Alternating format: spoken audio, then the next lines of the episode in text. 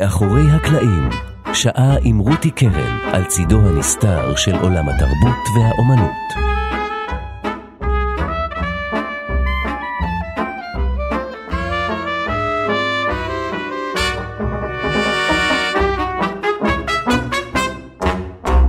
והיום אנחנו בחלקה השני של התוכנית מאחורי הקלעים עם המלחין עמית פוזננסקי, זוכה פרס אופיר לפסקול הסרט פוקסטרוט, אני רותי קרן, מגישה ועורכת. בחלקה הראשון של התוכנית שוחחנו על הלחנה לקולנוע, על ההתאמה לז'אנר המסוים של הסרט, על הקשר עם דרישות העלילה, הסיטואציות ואפיון הדמויות והיחסים ביניהן, וכמובן עם תפיסתם האומנותית של הבמאי והעורך. כיצד מתרגמת הוויזואליה לצליל, כיצד המוזיקה משפיעה על האווירה, על החוויה הרגשית, על תפיסת הסרט אצל הצופה, ובאיזה אופן המלחין מעצב את פס הקול. שוחחנו על העבודה על הסרטים הערת שוליים של יוסף סידר, על העבודה במחיצתו של אסי דיין על דוקטור פומרנץ, על ההתמודדות הנדרשת בהלחנה לקולנוע דוקומנטרי מעצם היותו תיעוד מציאות, אנשים חיים וסיטואציות אנושיות טעונות. עמית פוזננסקי הלחין את סרטו של עמוס גיטאי, רבין היום האחרון. הוא מספר על הקשיים וחילוקי הדעות, כמו גם על החיבור האישי הרגשי שמצא את ביטויו במוזיקה שנכתבה לבסוף. דיברנו גם על המוזיקה שהלחין עמית לסדרות הטלוויזיה חטופים ועקרון ההחלפה, ועל ההבדלים בין הלחנה לקולנוע להלחנה לסדרות טלוויזיה. ההיקף היצירתי המוזיקלי שלך, עמית, הוא רחב ועשיר. הוא מבקש התייחסות גם לפרויקטים של הלחנה לתחומים נוספים והקשר וההשראה ביניהם. היום נמשיך ונדבר על מוזיקה לקולנוע, סרטי ילדים ונוער, וגם על פרויקטים של שירי משוררים, מוזיקה קאמרית ומוזיקה ג'אז. אז שלום לך שוב, עמית. שלום. ואנחנו מדברים כל הזמן הזה על מוזיקה, על נוכחות אה, מתמדת של צליל, על ההשפעה שלו, על החוויה הוויזואלית, אבל מוזיקה זה גם הרגעים שבין הצלילים, הפאוזות, השקט, מתי אין צליל. אתה חושב על זה? אתה מכוון את זה? איך אתה בוחר את זה ואיך זה מתפקד, במיוחד במוזיקה לקולנוע? ההחלטה מתי לכתוב אה, לסצנה מסוימת ומתי לשתוק בה למעשה היא נעשית יחד עם הבמאי, ובמקרים רבים גם עם העורך, והרבה פעמים הם שמים, אה, כמו שציינתי קודם, טרק אה, זמני שמכתיב היכן המוזיקה נכנסת והיכן היא יוצאת. כשזה לא קיים, אז זה משהו שאני צריך להחליט ולעשות אותו, והדבר שמכוון אותי לרוב זה ההתחשבות בדיאלוג. זאת אומרת, אה, ברגע שיש דיאלוג, ובעיקר דיאלוג עם תוכן אה, מאוד מאוד אה, חשוב לעלילת הסרט, שהוא דיאלוג ער ודיאלוג אה, שתופס אה, נוכחות, אז אה, המוזיקה צריכה לשתוק או להיות הרבה יותר חלשה. או... אבל יש גם מבחינת הכתיבה של התמה המוזיקלית, שאתה עושה באמצע איזושהי פאוזה, מבחינת המוזיקה עצמה. בהחלט, אה, יש, יש פה בעצם דיאלוג עם הדיאלוג למעשה. שהוא אומרת, גם מוזיקה. שהוא גם מוזיקה. אתה מאוד צריך להתחשב בדיאלוג אה, כפרטנר למוזיקה. ולסמן עם המוזיקה, את, לדעת מתי לצאת עם המוזיקה ברגע הנכון. והשקט כשלעצמו הוא מוזיקה. השקט כשלעצמו הוא מוזיקה, כמו שאמר קלוד דה ביסי, המוזיקה היא השקט שבין הצלילים. אתה מדבר פה על אה, באמת אה, עבודה עם אה, חומרים כבדים, מורכבים. יש גם פרויקטים קולנועיים משעשעים יותר. סיפרת שהתחלת להלחין עוד כשהיית נער, וזה מחבר אותנו לסרט ההרפתקאות לנוער, האוצר מעבר לנהר, שהלחנת לפני כשנה. נכון. מה נדרש כאן? המוזיקה בסרט הרפתקאות לצעירים, לילדים, מתפקדת באופן שונה, הלחנים אחרים? האורך, המיקום, הכלים. גם כאן המוזיקה היא כמעט כל הזמן נוכחת בסרט. זאת אומרת שהייתי צריך לסרט שאורכו כשעה ורבע, שעה ועשרים, לייצר פסקול לאורך כמעט כל זמן הסרט, והאמת שבפרויקט הזה זה היה אתגר אה, כפול ומכופל, מכיוון שעמדו לרשותי שבועיים וחצי סך הכל, וואו. מרגע שקיבלתי את הסרט. ו... אני נכנסתי למנהרת זמן אה, בלי לעזוב את האולפן, בלי כמעט לישון, לשתות ולאכול, וזה היה, היה אתגר עצום. בסוף זה הצליח. מה נדרש? מה ההבדל בין לכתוב לסרט כזה לסרט אחר מבחינת או שזה אותו דבר? אני חושב שבגדול התהליך הכתיבה הוא אותו דבר, אבל רק בגלל כמות המוזיקה שקיימת בסרט מסוג סרט ילדים, אז זה הרבה יותר עבודה, זה הרבה יותר לתזמר, זה הרבה יותר אה, תוכן מוזיקלי. ו... אבל הלחנים הם, הם מסוג שונה, הכלים אה, שאתה משתמש? ההלחנה היא כמו לסרט הרפתקאות, היא הרבה יותר משתנה. מסגנון לסגנון בפרק זמן מאוד קצר. זאת אומרת שיכולות להיות לי 15 שניות של מוזיקה מאוד מאוד uh, קופצנית וקצבית, ומיד אחר כך קטע לירי וענוג, והתנודות הן מאוד מאוד גדולות. לכן זה דורש ממך ממש uh, להיות זיקית. זה כמו באמת להחליף כובעים בקצב ממש מטורף.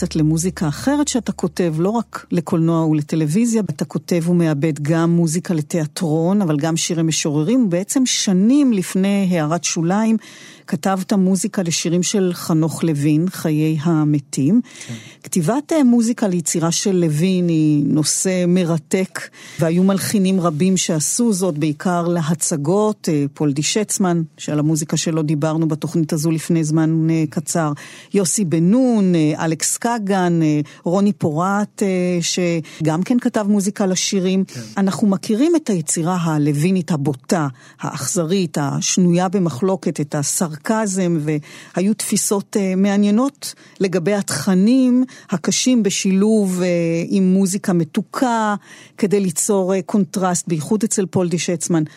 אתה בחרת בשירים קשים, כבדים. כן. זה אולי מתחבר בצורה מסוימת לקשר עם אסי דיין. כן. איך הטקסטים האלו של לוין, השירה, הובילו אותך מוזיקלית? מה הם הוציאו ממך? השירים של לוין שהלחנתי לאלבום חיי המתים אה, תפסו אותי בתקופה די עצובה בחיים שלי, שהייתי מאוד בודד. הם נתנו בי איזה סוג של אור ונחמה כשהלחנתי אותם, ואחר כך הם התגבשו ל... לכדי האלבום. אבל כן אה, מצאתי בהם איזה סוג של השלמה נפשית ופיוס, והם מאוד מאוד ביטאו את מה שהרגשתי באותה תקופה. אני ילד בעיגול אור, לא באתי להרבה זמן, חיבוק אחד או שניים, שן חלב אני חולף.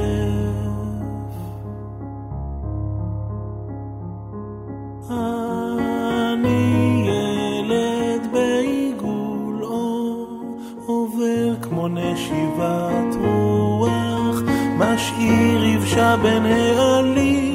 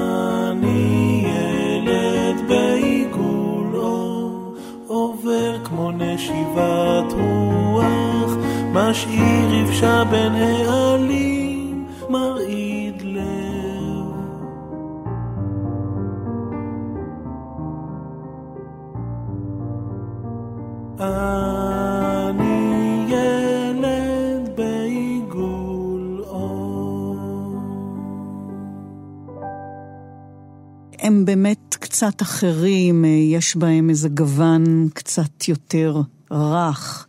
אני חושב שזה הוציא ממני את הצד הלירי והעגול והשלם שבמוזיקה שלי. התהליך, היו בו איזה שהם קשיים מסוימים?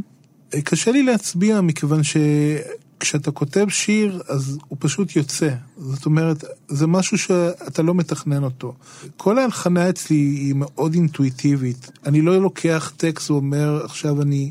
אלחין אותו, מתיישב, זה תהליך עיוור ולא מודע בכלל. זה, זה תהליך שאני, שהוא נובע מתוכי, מתוך איזה צורך פנימי. אני יכול להיתקל בטקסט במקרה, ואני אקרא אותו, ואיכשהו תתחיל לנבוע מנגינה, וזה חזק ממני למעשה. Mm-hmm. זה לא עבודה, זה, זה משהו שהוא נובע מתוכך. בעצם. אם דיברנו בהלחנה לקולנוע על התמונה, כמובן כן. גם על הטקסט, אבל טקסט מדובר כחלק מהתרחשות ויזואלית. כאן אנחנו מדברים על טקסט נקי, ומה מייצר אצלך הטקסט. עכשיו אתה עובד על אלתרמן. נכון? כן, בין היתר. אבל הלחנת גם אה, לאה גולדברג ודליה רביקוביץ' ואפילו לורקה ושייקספיר. כן. איך אתה בוחר את הטקסטים? כי הם מעוררים בך צלילים, או כי החיבור הוא לטקסט, ואז אתה יושב ומחפש מוזיקה? אני חושב שהשילוב הוא בין החיבור לטקסט, למה שהוא מעביר, לתוכן שלו, לליריקה שלו, לבין המבנה הצורני שלו. אני מחפש טקסטים שהמבנה שלהם הוא יכול להתאים להלחנה. מה ו... זה אומר? זאת אומרת שהוא ממושקל ומחורז, לא תמיד, אבל uh, בחלק גדול מהמקרים, ו... אבל אני חושב שזה לא משהו סכמטי אצלי. זאת אומרת, uh, ברגע שתופס אותי בית ראשון של שיר, ואני ממשיך לקרוא, ואני, הוא מחלחל אליי, אז uh, הוא פשוט מוציא ממני את המוזיקה באופן טבעי. זה תהליך לגמרי לא מודע. בעוד שההלחנה... בעוד, בעוד שההלחנה לקולנוע היא תהליך מאוד מודע ומאוד מתוכנן. גם שם אני מנסה אה, להתעלות בהשראה, אבל הוא תהליך הרבה יותר מקצועי ומובנה מאשר הלחנה של שיר או של מוזיקה ש... לשם מוזיקה בעצם. כשלמשל הלחנת לשייקספיר או לורקה, שזה אומנם מתורגם, אבל זה כן. עולם אחר, זה, זה מקום אחר, תקופה אחרת, לאן זה, זה לקח? לוקח אותי, זה לוקח אותי לתקופה שהמשוררים חיו בה, לוקח אותי לשפה המיוחדת שלהם. הרבה פעמים אני קורא על חייהם, נכנס למה שהם חוו, למה שהם ואז זה מכוון את זה למוזיקה מסוימת? לא בהכרח האמת, לא בהכרח. זאת אומרת, אני חושב שהאינפורמציה שמסביב לא משפיעה עליי. לא משפיעה עליי בהלחנה, כי... אז מה כן? האינטואיציה היא זו שלוקחת אותי ומכוונת אותי לכל מקום. ואני חושב שזה משהו שקשור לכל uh, העשייה שלי, אפילו בקולנוע ו... וכמובן במוזיקה שאני כותב. כשיעלה הירח אסע לסנטיאגו של קובה. אסע לסנטיאגו במרכבת גלים שחורים. יזמרו גגות הדקל. אסע לסנטיאגו. כשהדקל ירצה לפרוס כנפיים. אסע לסנטיאגו. וכשתרצה להיות מדוזה הבננה. אסע לסנטיאגו. עם ראשה הזהוב של הפונסקה. ועם הוורד של רומאו ויוליה. ים של נייר ומטבעות כסף. אסע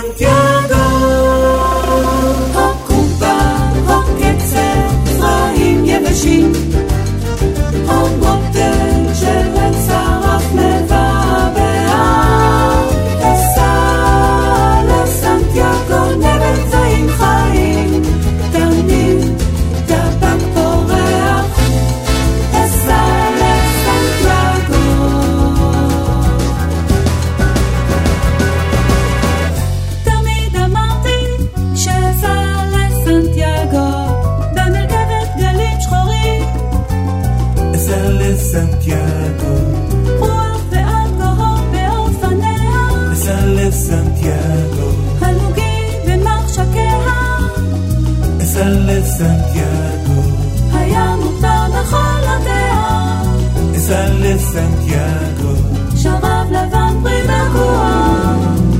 לסנטיאגו. וכשתרצה להיות מדוזה הבננה, אסע לסנטיאגו. עם ראשה הזהוב של הפמסקה, אסע לסנטיאגו. ועם הברד של רומאו ויוליה, אסע לסנטיאגו. ים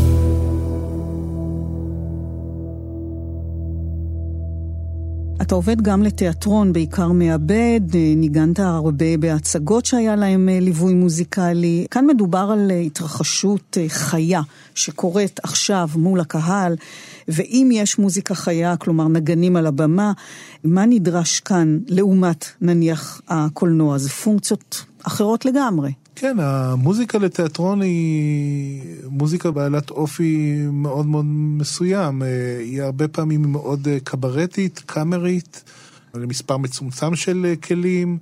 למרות ששוב, היום כבר, מה שנקרא, הכל הולך, והכל אפשרי, ואתה יכול למצוא גם מוזיקה אלקטרונית בתיאטרון. אבל המוזיקה לתיאטרון, כמו שאנחנו מכירים במסורות שלה, היא נובעת מן הקברט ונובעת מההרכב הקאמרי של הכלים. פחות כלים אה, פחות, מתוקף אה, האפשרות... אה, כן, אה, אם מדובר כמובן בנגינה חיה, כן. אז פסנתר ועוד כמה כלים, אה, שזה מכתיב אה, מן הסתם מוזיקה. שזה, אך. שזה מכתיב את, ה, את אופן הביצוע של המוזיקה בתיאטרון. והזכרנו את חנוך לוין, אתה הלחנת לא רק שירים, אלא גם... בחנוך לוין אני הייתי שותף כנגן לשתי הצגות. ניגנתי בהצגה הזונה מאוהיו, שכתב לה את המוזיקה ערן דינור, וכן בהצגה רצח, שביים עמרי ניצן בתיאטרון הקאמרי, וגם ערן דינור כתב לה את המוזיקה.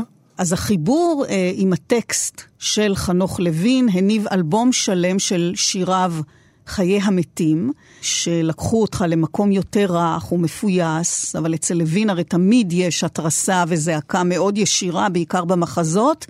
אתה השתתפת בהצגה רצח, ואחר כך גם הלחנת שיר נוסף שלו מתוך המחזה הזה, ומעניין שהסרקזם שלו מקבל בחיבור עם המוזיקה שלך את העומק הכאוב והמצמרר שלשם כיוון לוין בטקסט.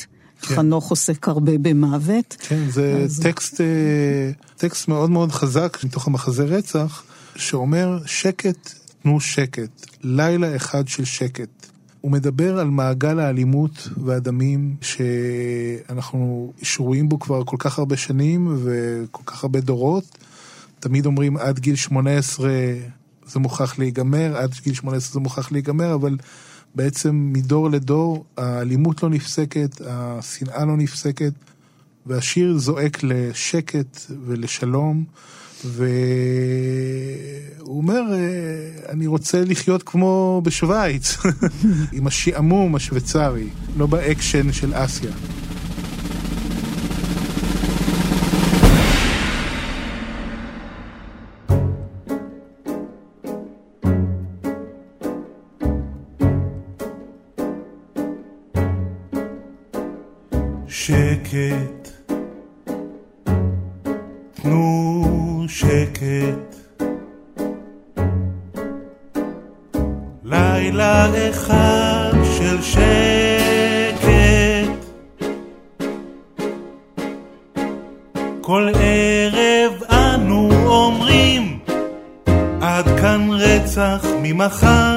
השלום.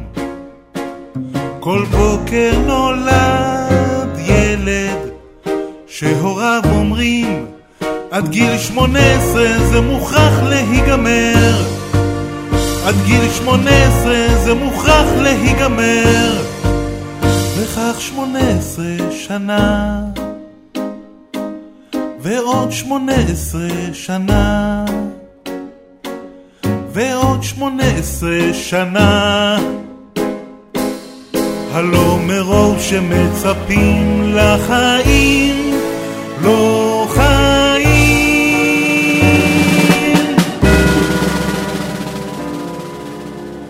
אלוהים, תן לנו חודש אחד של שעמום, שעמום טוב אמיתי, שוויצרי.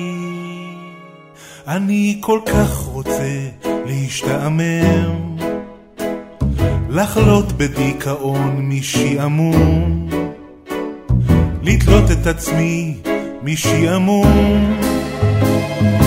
אוי, תנו לי קצת שעמום שוויצרי, כי אין כבר כוח לחיים המרתקים של אסיה.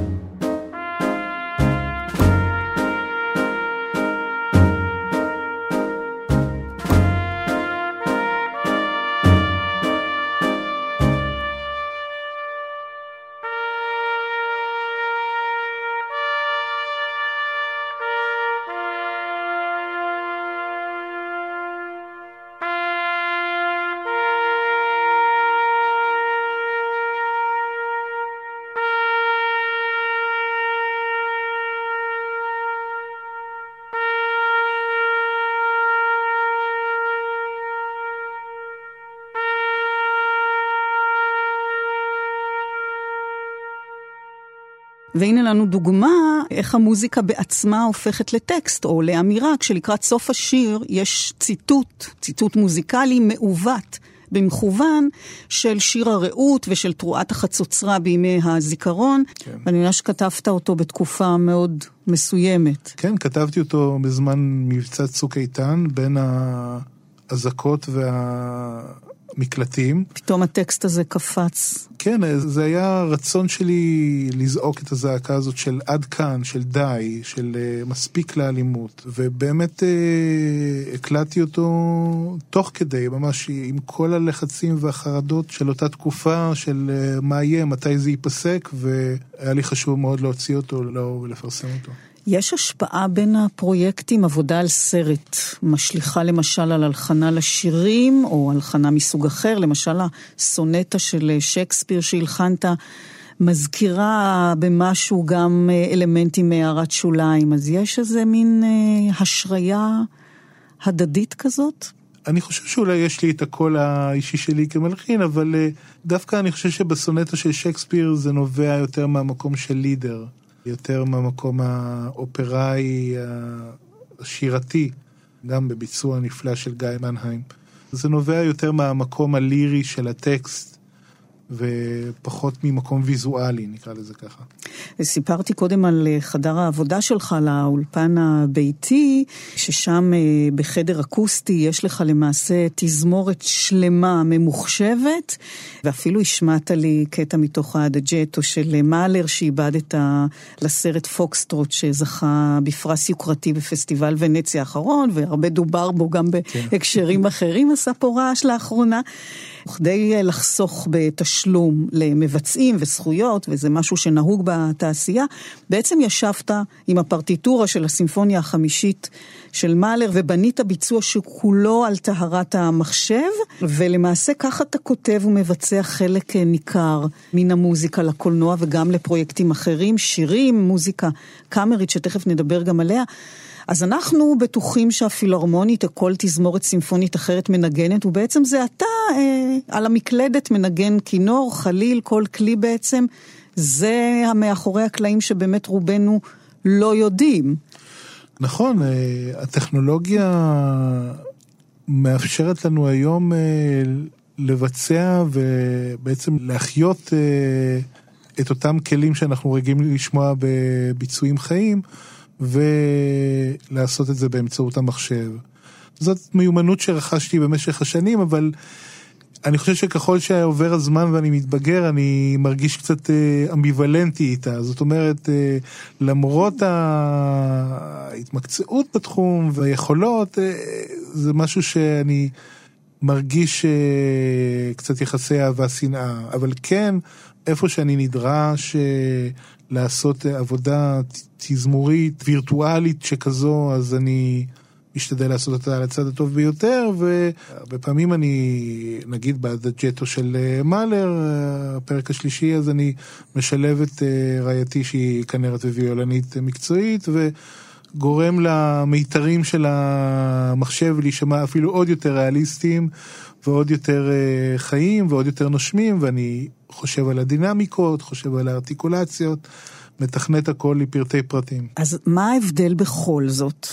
בין הביצוע הזה, כי כשאני שמעתי את זה, זה נשמע לי, אתה יודע, באוזן אה, פשוטה. אז אני חושב שיש אה, מגבלות. זאת אומרת, גם אם במקרה ביצירה הזאת ההבדל הוא לא גדול, אבל ישנן יצירות מאוד מורכבות, אה, אפילו של מאלר כמובן, שקשה מאוד לעשות להם הדמיה משכנעת. ריבוי הניואנסים והפרטים שקיימים בתזמורת אמיתית, הם עדיין כל כך גדולים וכל כך רבים, שמאוד קשה להגיע לאותם ניואנסים גם במחשב, גם אם בעבודה שלוקחת חודשים. ובכל זאת אתה מבצע חלק ניכר. אה, נכון. זה... כשאתה בעצם מנגן על כל הכלים ומנצח על כל הכלים. כן, זה באמת תזמורת של איש אחד. תזמורת של איש אחד בחדר שלך בבית. כן, זה כיף, זה מאוד כיף אה, למעשה. זה לשלוט בכל הכלים ולמקסס אותם, לעשות מיקס אה, כאוות נפשך, וזה באמת דרך לביטוי אה, חדשה יותר. דיברנו על תזמור, אה, בעבר מלחינים באמת דמיינו את הכלים שמנגנים את התפקידים השונים שלהם בשזירה המורכבת של יצירה לתזמורת. החידושים הטכנולוגיים האלה בעצם מאפשרים לך לנסות ולשמוע ממש איך זה ביחד, ואם עדיף שזה יהיה בסון או קרן אנגלית או בכלל צ'לו. נכון, הזמינות והיכולת של הכלים האלה לדמות באופן כל כך אה, קרוב למציאות את הסאונד שלהם מאפשרת עולם ומלואו. ו... אתה לא צריך לדמיין, אתה, כן, אתה שומע. כן, אתה שומע את זה מיידית. שוב, עם המגבלות שמכורח הטכנולוגיה הזו, אבל כן, זה מאוד מאוד אה, קרוב ומאפשר לך לבנות את התזמורת שלך.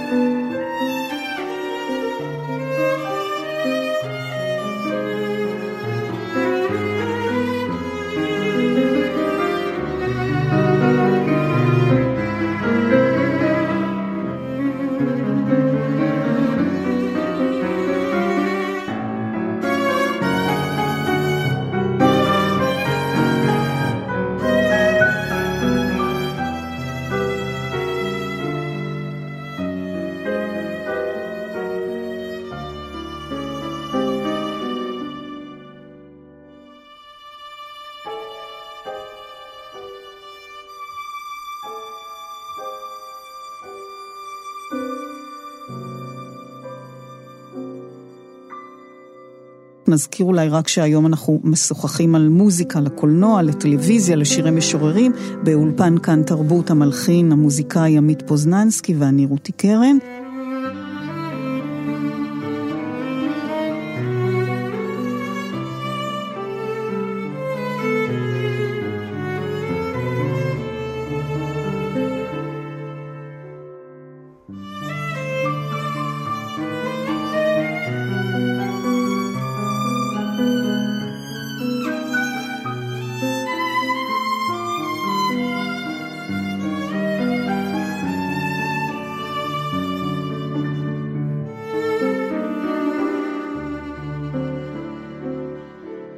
וזה מחבר אותנו למוזיקה שאתה כותב לא בשירות יצירה אומנותית אחרת, אלא מוזיקה המקורית שעומדת בפני עצמה. אתה יודע, אנחנו רגילים לכנות בשם מוזיקה קלאסית.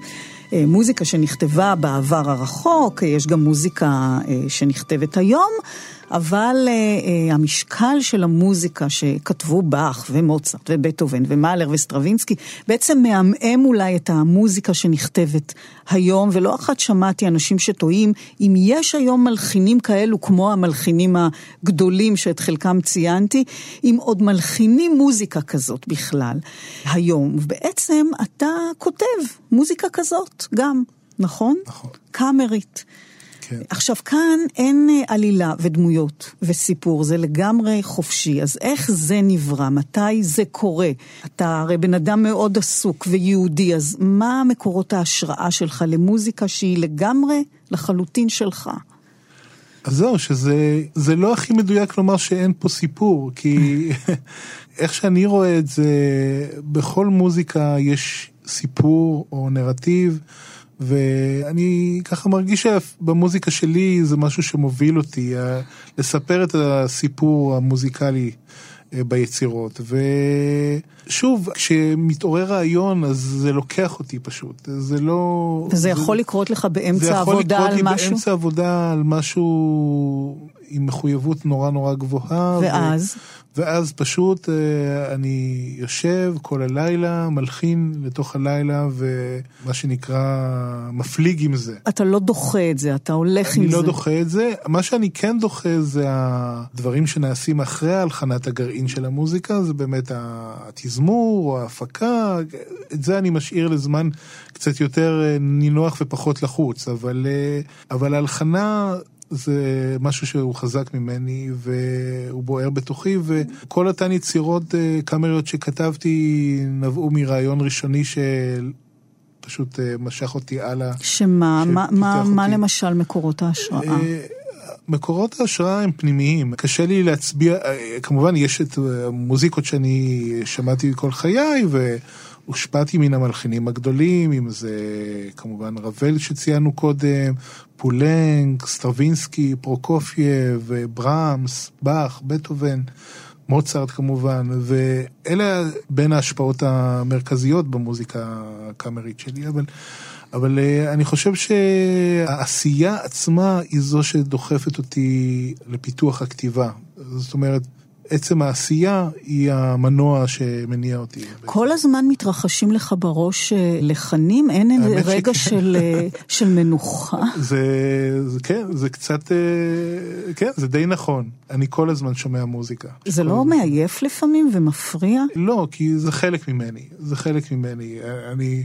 כמובן משתדל לעשות את, את מטלות החיים עד כמה שאפשר, אבל כן, אני, המוזיקה מאוד נוכחת בראש ובאוזניים ובנפש ובלב, אבל כן. וזה לא מתערבב ביניהם, אם אתה על פרויקט ופתאום בא לך? לא, היום אני כבר מתורגל לעשות את המעברים האלה. זאת אומרת, אה, הרבה פעמים אני רושם לעצמי מטלות או דברים מסוימים שאני צריך לעשות, ומנסה לעשות סדר בתוך כל הכאוס הזה.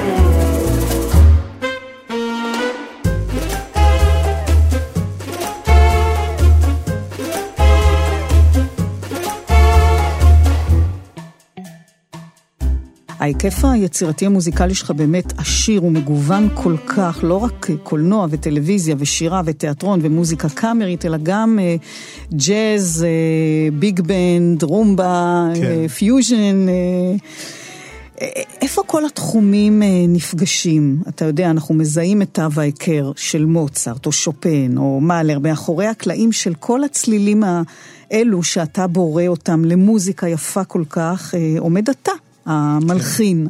והמבצע, אתה גם שר חלק מהשירים, אה, גם אה, בפרויקט אה, עם רעייתך, סיפור. כן. סיפור, וגם עכשיו ההלחנה לשירים של נגן הבסון הראשון אה, בתזמורת הפילהרמונית, עוזי שלו. את עוזי פגשתי לפני כשנה וחצי במקרה במסדרונות היכל התרבות, והוא סיפר לי על קונצרט עתידי שייערך בבית משפחת לוין באבן יהודה, והוא ביקש ממני, אם יש לי זמן, אה, לכתוב אה, שלישייה לקלרינט, בסון ופסנתר. ובאותם אה, ימים הייתי מאוד מאוד עסוק ולא ידעתי אם זה יקרה, אבל איכשהו ה... השיחה הזאת היא לא עזבה אותי, וכעבור אה, חודש התיישבתי וכתבתי במשך אה, תקופה את אותו טריו. זה היה שיתוף פעולה נפלא פשוט, פשוט אה, תענוג. ולפני כשנה הוא שלח לי כמה טקסטים שלו, והתחלתי להלחין אותם, ולאט לאט נרקם לו מספיק חומר כדי אה, להפוך לאלבום, שאמור לצאת כעוד... אה, חודשיים שלושה, אלבום שאני שר את uh, כל השירים, ואנחנו כרגע בעיצומן של ההקלטות. בכל סיום יש התחלה, בכל ייאוש יש רמז של תקווה, בכל עתיד יש גם עבר, בכל אתמול ישנו מחר. בכל סיוט יש קרן אור, בכל פיוט יש גם ממד אפור,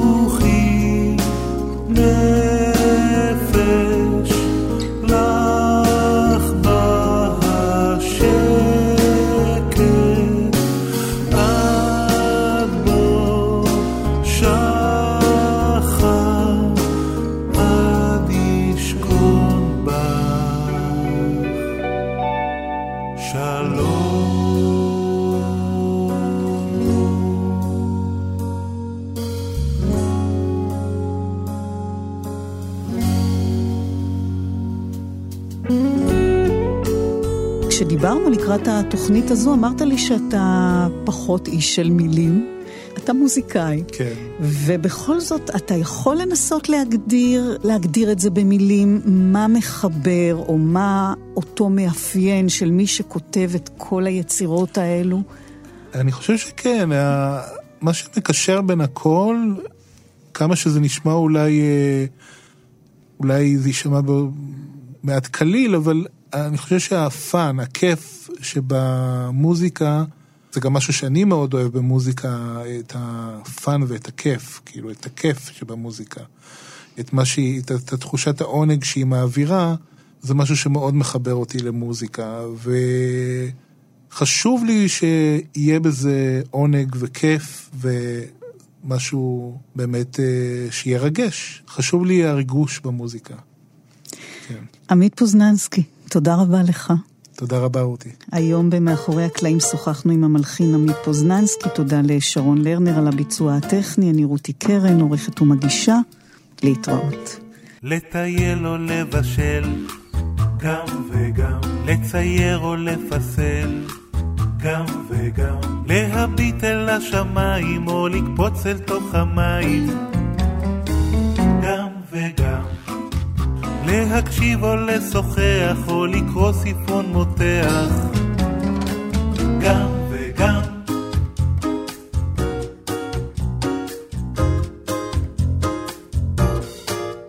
לאסוף או לחלק. גם וגם. לחבק או לנשק. גם וגם. להחליף מילה או שתיים, קצת לשטוף את העיניים. גם וגם.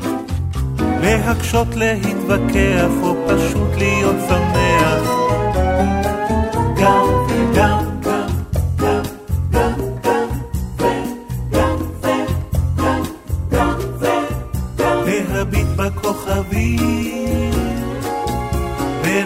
כמה תווים, לפזר פזמון ישר,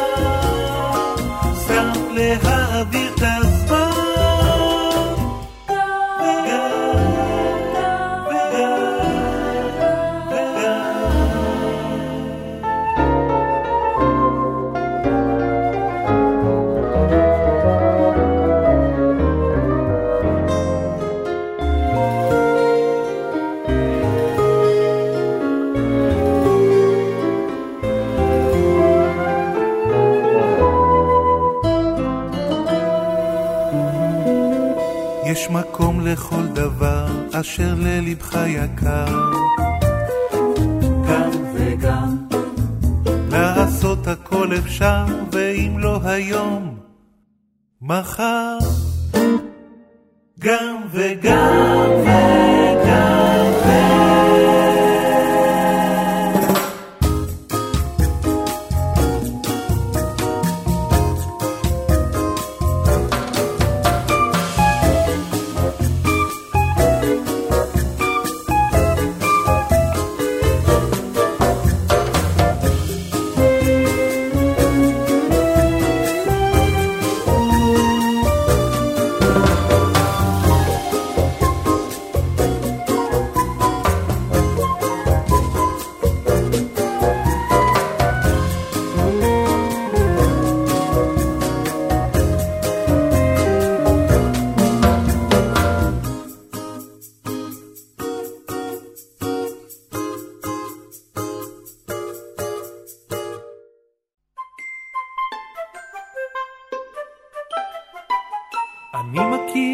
ילד אחד שמגדל דרקון בחצר.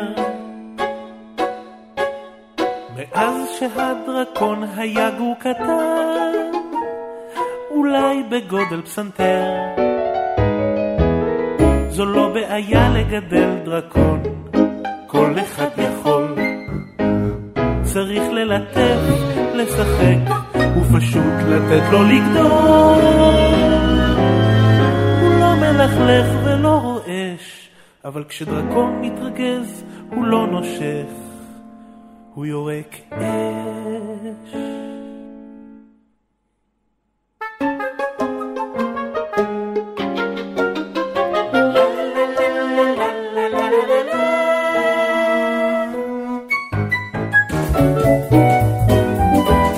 זו לא בעיה לגדל דרקון. ללה, לסע, ופשוט. הוא לא מלכלך ולא רועש, אבל כשדרקון מתרגז הוא לא נושך.